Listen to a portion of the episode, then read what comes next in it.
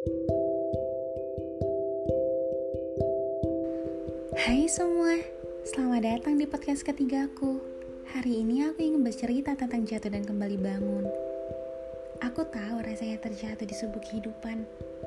Aku tahu rasanya yang berteriak tapi takut.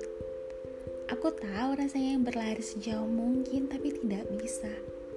Aku tahu rasanya ingin mengakhiri tapi tetap bertahan. Dan aku juga tahu rasanya ingin berkata jujur tapi tidak berani untuk mengatakannya. Akhirnya malah memilih untuk berbohong dan menyimpan itu di dalam hati kecil kita. Ya, semua manusia memang seperti itu. Ada kalanya kita berani, ada kalanya kita juga takut untuk mengungkapkan atau melakukannya. Malahan kita mendendam dalam hati kecil kita, menyimpan itu di sana. Karena kita pikir itu jalan yang terbaik untuk kita. Bodohnya lagi, kita malahan membiarkan rasa sakit itu menjelajahi kita, menguasai kita.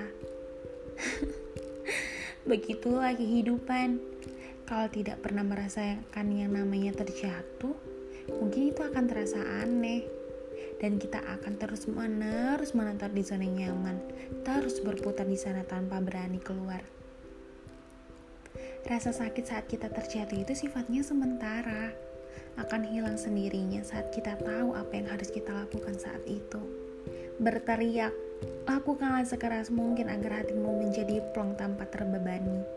Berlari, berlarilah sejauh mungkin sampai kau bisa merasa lelah dan puas.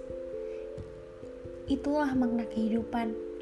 Ada kala yang kita akan terjatuh, merasa diri kita telah sampai di titik terendah kita juga ada kalanya kita akan bangun dari titik terendah kita untuk mencapai kesuksesan.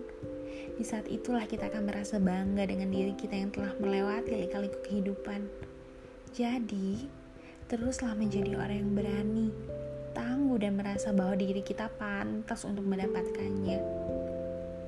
Terjatuh hanyalah omong kosong belaka. Semua orang pasti akan merasakannya juga termasuk kamu tentunya, dan aku juga pastinya. Oke, okay, aku harap podcast yang aku buat hari ini bisa membuat memberikan motivasi buat kalian yang sedang ada di fase ini. Semangat terus ya, kalian pasti bisa. Salam dari berlatih.